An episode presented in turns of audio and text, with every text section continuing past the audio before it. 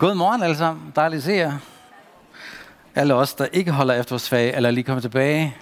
Dejligt. Og også velkommen til jer, som følger med derhjemme. Øhm,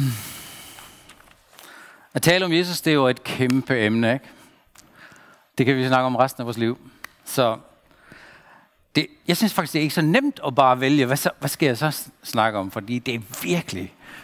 Jesus fylder jo alt. Men øh, jeg har beskæftiget mig lidt med Johannes 13 til 17. Det er Jesu afskedstale. Det er sådan, øh, inden han skulle dø på korset, så havde han en speciel tid med sine disciple. Han spiste det sidste måltid, kan man sige, og fortalte dem masser af ting om de ting, der vil ske, men også, hvordan vi skal klare os gennem fremtiden. Eller undskyld, hvordan disciplene skulle klare sig. Øh, han var faktisk på tur med dem og fortalte dem, at øh, det her tempel, det bliver ødelagt. Og forestil dig at være disciple og følge Jesus, og så siger ham, du tror på, det her tempel, det, er, det kommer til at blive ødelagt. Det er klart, at de spørger, hvornår skal det så ske? Og Jesus giver det som nogle enkelte tegn, men han siger egentlig ikke, hvilket år det skal ske. Så jeg kan forestille mig, at disciplene de var sådan lidt nervøse. Okay, templet skal blive lagt, ja. Og så kommer der en masse øh, rygter om det ene og andet. Der er mange, der vil udgive sig som messias, og I kommer til at høre om krig, og høre om det ene og det andet. Og, og jeg forlader jer. Det er ligesom, pas jer selv, ikke? Altså, prøv at sætte dig ind i den situation som disciple. Så kommer Jesus og siger, okay, hør nu her, jeg vil gerne forberede jer lidt på den her tid. Øh, dem, øh, der har læst lidt om historien, så ved I jo, at templet i Jerusalem blev ødelagt i året 70.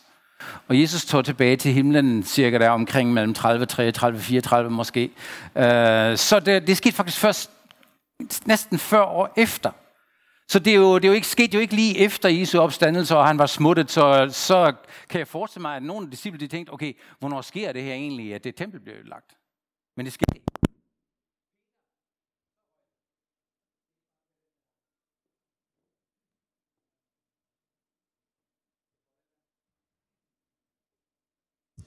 Skal på den? Ja. Så Peter og Paulus, de døde faktisk inden. Man siger, at øh, Peter led martyrdøden i Rom mellem 64, måske 67. Så han, han oplevede slet ikke det, hvad Jesus har sagt om fremtiden. Og Paulus døde også i den samme tid. Så de havde nogle forventninger om, hvad kommer der til at ske. Og det billede, Jesus tegnede af fremtiden, det var ikke det allerbedste. Hvis jeg havde været der, tænkte jeg, okay, hold op, hvor klarer vi os? Og derfor kommer Jesus og med sådan to hovedtanker, eller en, en, to hovedpointer i Johannes 13-17. At han siger, lad være med at skræmme jer.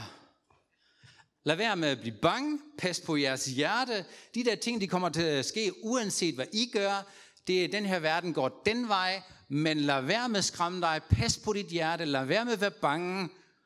Og så skal I lære at elske hinanden. Og så smutter han. Og det er vi stadigvæk i gang med, ikke? Lære at elske. Hvordan, ligesom han har elsket. Han sagde nemlig, at jeg giver jer et nyt bud i hele den her kontekst, så at I skal lære at elske hinanden, som jeg har elsket jer. Og så lad være med at være bange. Det er hovedbudskabet af Johannes 13, til 17, vil jeg sige. Der står rigtig mange ting, blandt andet også om træenigheden, fordi Jesus refererer hele tiden om sin far og Helligånden, som kommer til at hjælpe os, og at vi ikke skal være alene, at han er der for at hjælpe os i alt det her.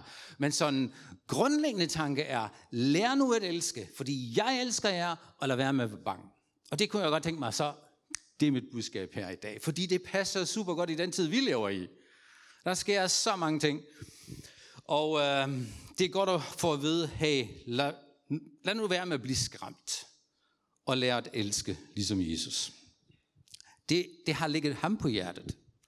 Og når han siger det til sine disciple lige efter, eller lige før han dør, og øh, egentlig forlader os som person, så tror jeg også, det, har, det ligger virkelig på hans hjerte over for os i dag. Vi taler jo egentlig ikke så meget om lidelse og målstand. Der, der er nok ingen af os, der kan lide at lide. Det er jo ikke sjovt. Og vi vil helst være fri af ledelse. Og vi vil helst være fri af målstand. Og øhm, virkeligheden, er bare, virkeligheden er bare, at vi lever i en verden fuld af ledelse. Måske ikke nødvendigvis fysisk ledelse. Jo, når du er syg, så oplever du det på din egen krop.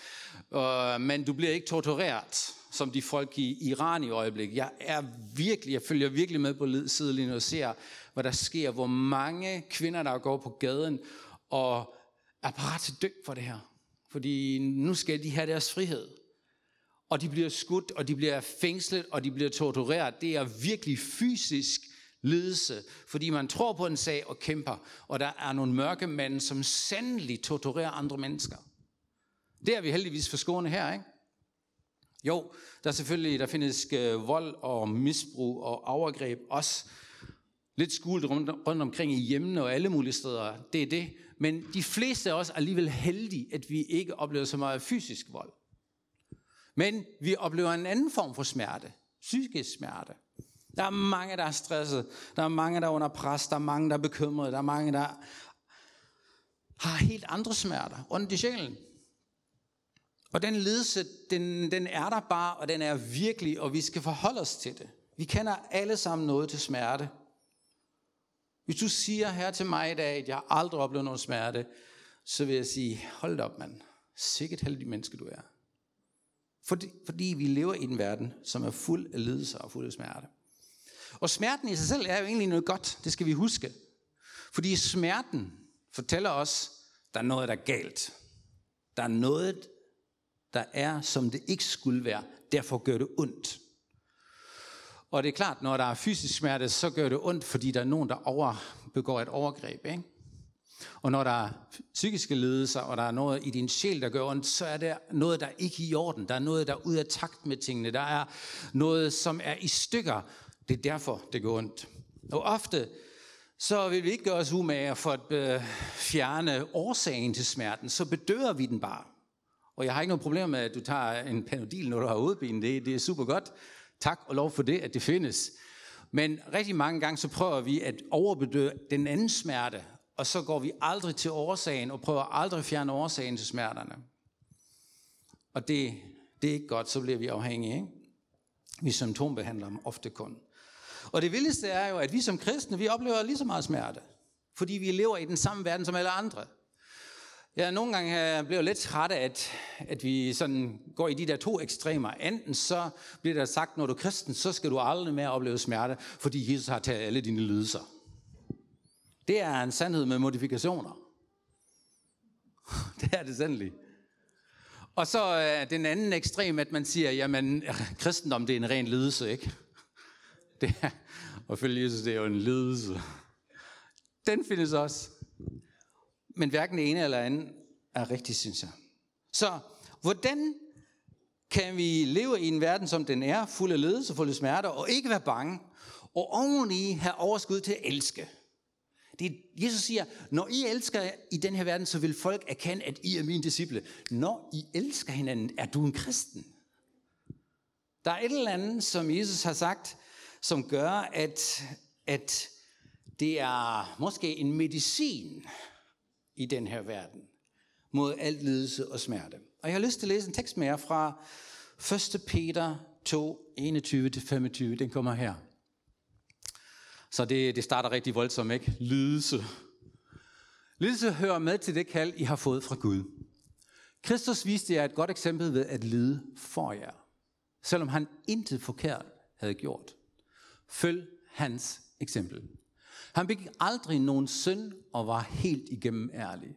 Han svarede ikke igen, når han blev uretfærdig anklaget. Han troede ikke dem, der mishandlede ham, men han overlevede sin sag til Gud, der dømmer retfærdigt. Vi skal lige næste. Han tog vores synder på sig, da han døde på korset. På den måde blev vi frigjort fra syndens herredom, så vi nu kan gøre Guds vilje. Ved hans sår fik vi helbredelse. I var som vilforne for, men nu har I fået en hyrde, der virkelig har omsorg for jer. Der står rigtig meget i den her tekst, og vi når slet ikke at kigge på alle detaljer. Men lad mig lige tage en et par ting for at afklare, øh, sådan, sætte en ramme for det. For det første, lidelse er ikke vores kald. Kan man ikke sige amen til det? Men lidelse er en del af vores kald. Så det skal ikke fylde så meget, men Peter siger her, hør her, du kan lige så godt regne med, når du har sagt ja til Jesus og følger ham, så kommer der nogle lidelser også på grund af det. Du ser nogle ting, som andre ikke ser. Så vær opmærksom på det. Det er en del af dit kald. Og så må du finde ud af, hvordan du takler det. Og Peter siger helt klart, hey, følg Jesu eksempel. Det skal vi kigge lidt nærmere på. Og så en anden ting, han siger. Jesus led, selvom han intet havde gjort forkert. Og det her, det er også vigtigt for os at forstå. Prøv her. En, den største del af dine ledelser har ikke noget med dig at gøre.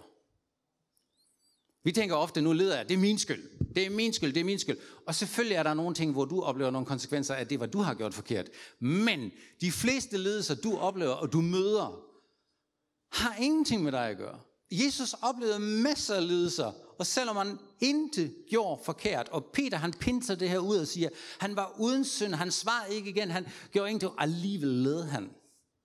Så slap af. Ikke? Du ved ikke helt, hvorfor det møder dig, og det er alt for svært at grave i det. Livet er for kompleks og for nuanceret, at du hele tiden skal grave i, hvorfor sker det her nu for mig, eller hvorfor møder jeg det her?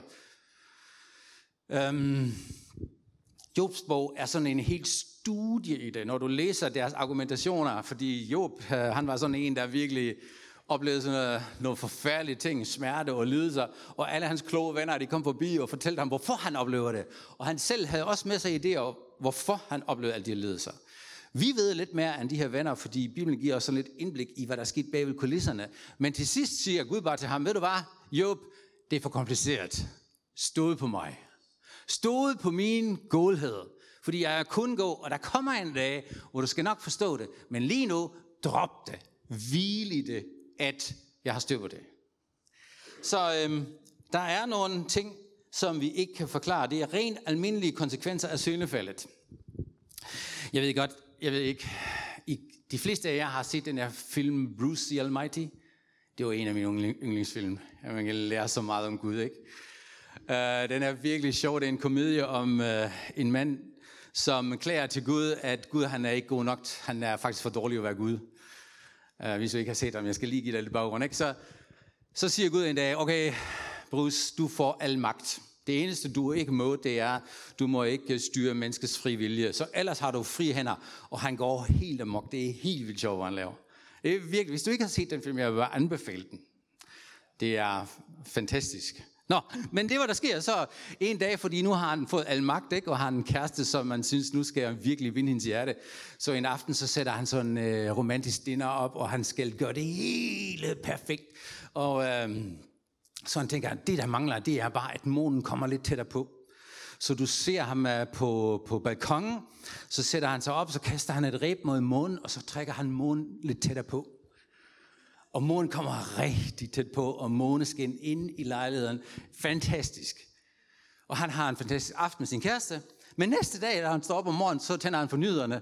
Så, er der, så siger de, ja, og det var fuldstændig vanvittigt, hvad der skete. Vejrfænomenen øh, og månen den forsvandt fra, fra himlen, der hvor den plejer at være, og forresten der var også oversvømmelse i Bangladesh, og pff, det ene og det andet. Og han tænker, ups, det er jo min skyld. Ikke? Han, hans handlinger havde konsekvenser. Og jeg kan forestille mig, at det, det var jo ikke sket, ikke? men de folk i Bangladesh tænkte, hvad skete der lige her? Det er jo bare fordi, der er en derovre skulle have en, have en romantisk dinner. Og vi tænker ofte ikke over den, hvordan tingene, som vi gør, påvirker måske nogle folk på den anden side af kloden. Jamen, verden er meget mere kompleks, end vi tror, og, og vi er nødt til at hvile i det. Vi var, jeg var til et foredrag med Michael Jarnvi, metrologen, som han holdt her i øh, øh, seniorklubben, og der var mange ting, som jeg vidste, og der var også mange ting, jeg ikke vidste. Og en ting, han sagde, det synes jeg, det, har, det, det gør måske størst indtryk på mig. Han sagde, prøv her, vi i Danmark, vi skal nok overleve den her klimakrise. Selvfølgelig skal vi det. Vi er rige, vi har penge, og vi kan lø- finde nogle løsninger. Men, siger han, jeg er bekymret over, at vores livsstil har kæmpe konsekvenser på rigsbønderne i Bangladesh eller i Østen. Og så sagde han, fordi vi lever, som vi lever, så smelter gletsjerne over på den anden side af kloden, og de har ikke nogen vand til deres rismarker. Fordi de plejer at have vand, når de smelter så på gletsjerne, så kommer det ned, så får de vand til deres rismarker, og så overlever de. Så har de det godt. Men fordi det ændrer sig, så er der lige pludselig ikke noget vand, så er der tørke derover. De får ikke noget høst. Jeg tænkte, hold da op. Sådan har jeg aldrig set det. At mit liv har måske konsekvenser over på den anden side af kloden. Selvfølgelig ikke min lille, lille del, men vores del. Ikke? Så der sker mange ting, som du og jeg ikke har indflydelse på. Mange lidelser, og det er ikke så meget, at vi kan stoppe det, men vi skal finde ud af, hvordan lever vi med de her ting? Hvordan lever med de, vi med de ting, der rammer os, når det er en lidelse for mig, når der er modstand? Hvordan klarer jeg det? Og Jesus, han har faktisk en vej. Og Peter siger helt klart, følg hans eksempel. Det har vi lige læst. Følg Jesu eksempel. Hvis du følger Jesus, så følg hans eksempel i forhold til ledelse. Følg hans eksempel, hvordan du takler modstand. Følg hans eksempel. Han har vist os vejen, hvordan han gjorde det. Hvad mener Peter egentlig med det her? Han siger blandt andet, han begik aldrig nogen synd og var helt igennemærlig. Han svarede ikke igen, når han blev uretfærdigt anklaget. Han troede ikke dem, der mishandlede ham, men han overlod sin sag til Gud, der dømmer retfærdigt. Han tog vores synder på sig, da han døde på korset. Og selvfølgelig kan vi ikke døde på korset for andre. Det er kun Jesus, der kan det. Men tanken er jo, at vi ligesom han reagerer på andre folks synder. Det alene vil forandre rigtig meget. Når Peter taler om andre folks synder, som gik ud over Jesus, så fik det jo sin højdepunkt, da Jesus blev korsfæstet. Jesus døde på et kors, fordi folk mente, at han skal ikke leve længere. Og selvom han, de egentlig ikke kunne finde nogen fejl, så prøvede de at finde en masse fejl på ham, og sagde, nu har vi ret til at slå dig ihjel. Og han led virkelig en pine fod død for din og min skyld. På den måde bar han jo vores sønder. Ikke kun den der grundlæggende synd for alle, for at, øh, hvad skal man sige, eliminere syndefaldet og, og betale en høj pris. Der er så mange ting i Jesu død. Men han led det også på sin krop, at folk slog ham. Fik en tårnkron på. Hånede ham. Alt det der. Så Jesus har oplevet det her, og han, han svarer ikke igen. Um, en af de der ting, der skete i ledelseshistorien, det var, at Jesus stod over for Pilatus. Og Pilatus sådan rimelig hoven siger til ham, ved du hvad, ved du ikke, Jesus, at jeg har magt til at overgive dig til døden, eller bevare dig for døden. Så vær nu endelig god ven med mig, ikke? Fordi hvis du vil undgå det her, så skal du bare være god venner med mig. Og så siger Jesus noget meget, meget vildt. Han siger, du havde ingen magt, hvis den ikke var givet dig oppefra. Så han siger, kære Pilatus, du har fået et ansvar fra Gud for det, den post og det arbejde, du laver. Og jeg har givet min sag til Gud, og jeg respekterer at du har frihed til, til at træffe beslutninger. Så gør, hvad du vil med mig. Det er ret vildt, ikke? Gør, hvad du vil med mig. Det er din beslutning, og det er dit ansvar. Så hvis du vil korsfæste mig, go ahead. Lad være med at gøre det afhængig af mig. Og Jesus forsynder sig ikke i alt det her. Det er fuldstændig vildt, hvordan han reagerer på uretfærdigheder. Og Jesus har jo ikke kun oplevet andre folks synder på korset. Han har oplevet dem længe inden han blev korsfæstet. Fordi han var sammen med synder konstant. Den hellige Gud, hvor Peter siger, han har aldrig syndet. Han var sammen med synder hele tiden. Og jeg kan godt forestille mig, at der er rigtig mange folk, der gik Jesus på nerverne. Blandt andet hans disciple. Og nogle gange så var det altså, åh. Og Jesus reagerer også, men har aldrig syndet tilbage han bar deres sønder, også i dagligdagen. Han var så overbærende. Og når han korrigerede andre, så gjorde han det altså med en kærlig hånd, hele tiden for at genoprette relationerne, og ikke bare for at banke folk i hovedet. Det var hans måde at reagere på synden. Han lavede ikke henrive sig til synde. Han bar over med synderne. Vores klassiske tilgang til sønder er lidt en anden en. Vi vil altid gerne finde ud af, hvem har begået fejl og hvorfor. Kan I huske det fra jeres barndom? Når du havde lavet noget, som du ikke måtte, så prøvede du at undgå det, om det var dine forældre eller i skolen. Ikke? Hvem har gjort det her? Ikke mig. Uh, hvem vil melde sig frivillig? Uh, ikke mig. Og uh, okay, hvis I nu slipper for straf, ikke? Hvem var det så? Ja, okay, det var mig. Så du har lige løjet? Ja, så du får din straf. Jamen det er fordi, hvorfor prøver vi at tage, stå til ansvar for vores synder? Vi ved godt, når vi har gjort noget forkert, ikke? Men vi er bange for straf. Vi er bange for konsekvenserne. Vi vil helst ikke opleve konsekvenserne. Så vi prøver at undgå det hele tiden. Det, det sådan er vi bare skruet sammen. Adam og Eva, de, de, de startede faktisk det her spil. Nej, det, det er ikke mig. Okay, det er hende. Nej, det er ikke hende. Øh, nej, det er ikke, øh, det er ikke mig. Det er slangen. Så hele tiden skub det væk. Hvorfor? Jamen, åh, det er ikke mig, der har gjort noget forkert. Jesus viser os en helt, helt anden vej. De fleste af jer, som kender det nye testamente, har læst en historie, hvor Jesus møder en kvinde, eller bliver konfronteret med en kvinde, som lige var taget i ægteskabsbrud. Den historie står i Johannes kapitel 7. Og øh, der er nogle ledere fra det lokale samfund, som finder den her kvinde, og de dropper manden. Han uh, slipper faktisk bare, men de tager kvinden, som er lige begået ægteskabsbrud, og bringer, den, bringer den hen til Jesus. Og så siger de, Jesus, hvad vil du gøre med hende her? Hun er lige blevet grebet i ægteskabsbrud, og hun skal faktisk dø. Loven siger, hun skal dø. Og så siger Jesus ikke ret meget. Han skriver lidt på jorden. Der er mange, der har spekuleret i, hvad han skriver, men øh, det ved vi faktisk ikke. så, så siger Jesus, okay venner, dem af jer, der er uden synd, altså uden synd, I må gerne kaste den første sten. Så går vi efter reglerne. Og det sjove er, så begynder de ældste at gå ud, ikke? Og forsvinder efter en tankepause. Og til sidst står Jesus der helt alene med kvinden. Og siger til hende, okay, hvor er, dem, hvor er de hen, der har anklaget dig? Så siger hun, der er ingen tilbage. Så siger Jesus, okay, så anklager jeg dig heller ikke. Lad være med at gøre det her igen. Og så slipper hun. Det er fuldstændig gagalak, ifølge det var Jesus er vant til, og hvad de her ledere var vant til. Fordi ifølge loven skulle hun stenes. Fordi vi fandt ud af, at det er hende, der er skyldig, og når du er skyldig, så skal, du, så skal vi stene hende. Men Jesus, den eneste, som ikke har syndet, som ikke har begået noget synd, stener hende heller ikke. Hvad sker der lige? Og Jesus var ikke engang død på korset endnu. Han har ikke engang betalt for hendes synder. Og hun har ikke engang bedt om tilgivelse. Det har hun faktisk ikke. Hun kom ikke krybende og siger, Jesus, jeg har gjort en fejl, kan du ikke tilgive mig? Så hvad skete der lige? Kan I huske, Johnny talte om det. Han sagde, da Jesus kom, så sagde han, jeg starter en ny pagt. Vil I godt, hvorfor den hedder den nye pagt? Ved I det? Fordi den er ny.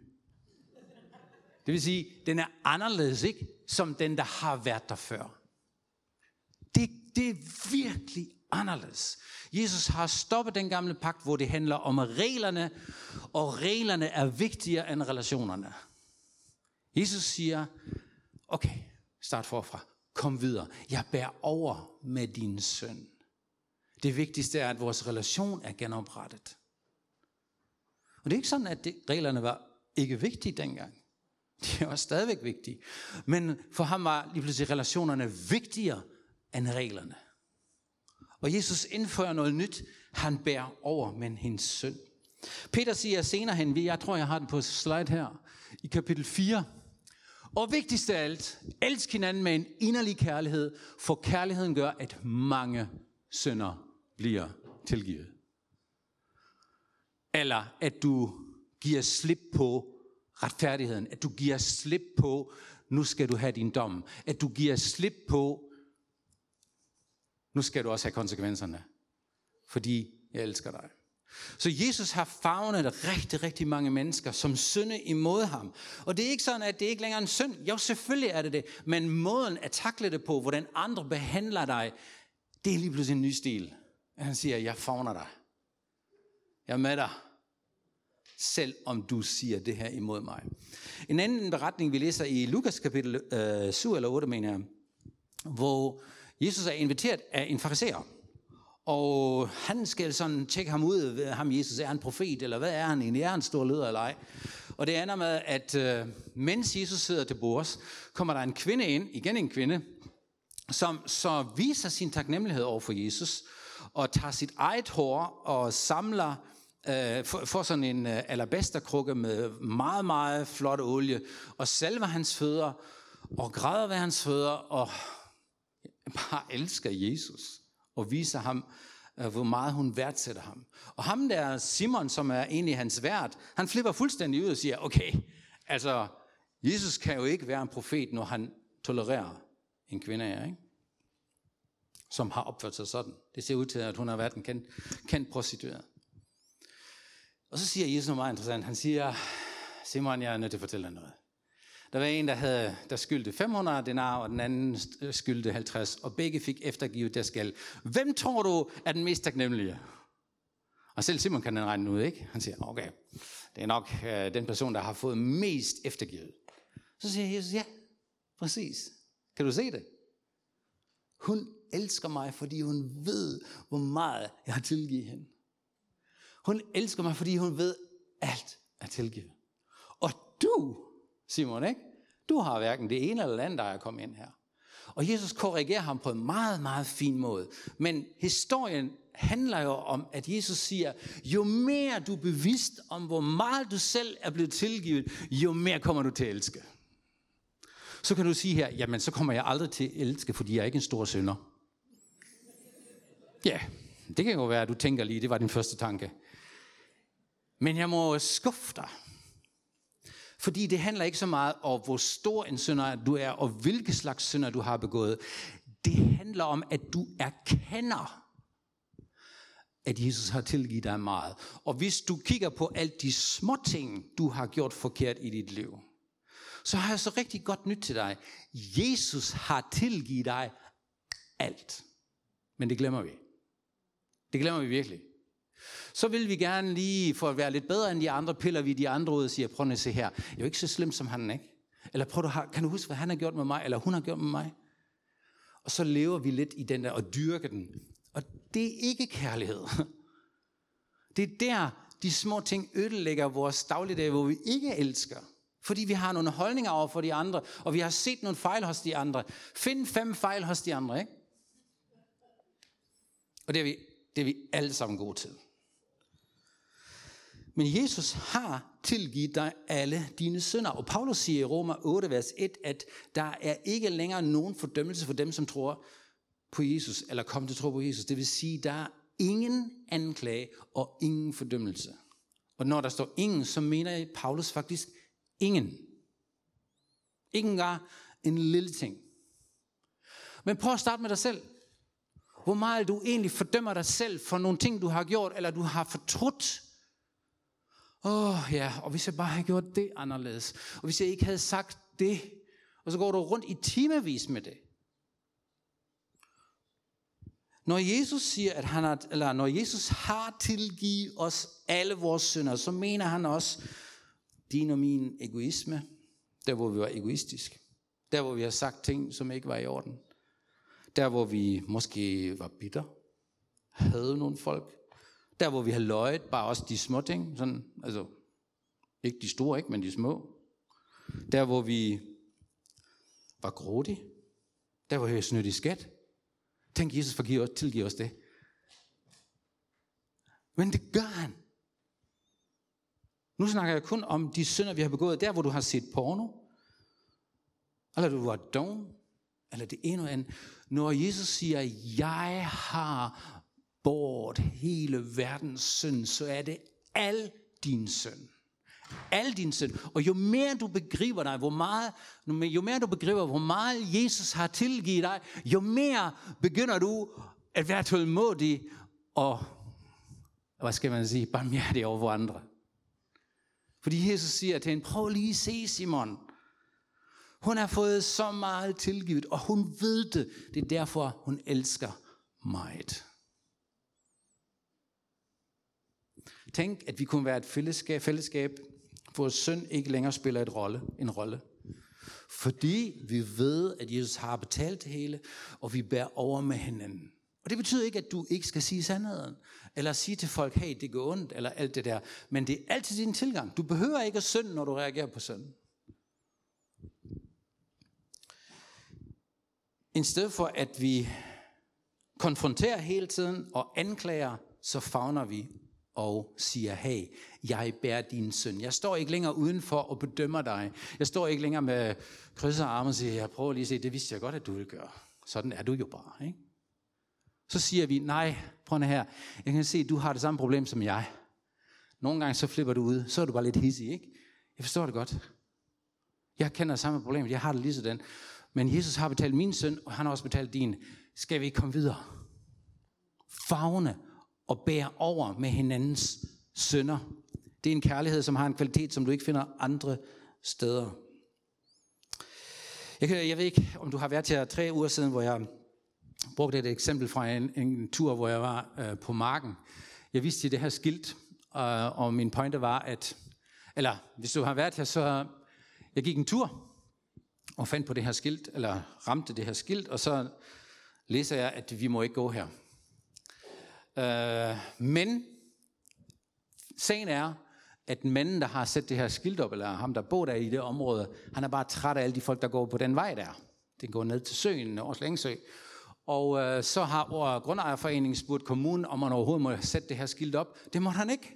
Så det står der faktisk, uden at det skal stå der.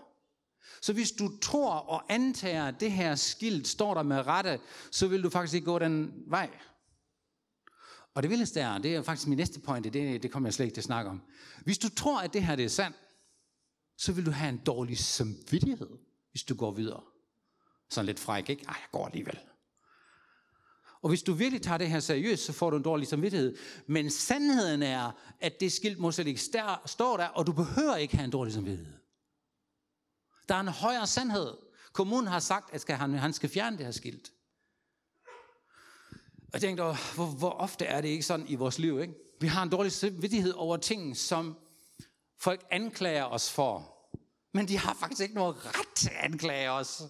Så hvis du ved det, at Jesus har betalt alt din skyld, alt din synd, og du er klar over det, så er du fri fra den anklage. Fordi der er en sandhed, der er større end den anklage. Kan I følge mig?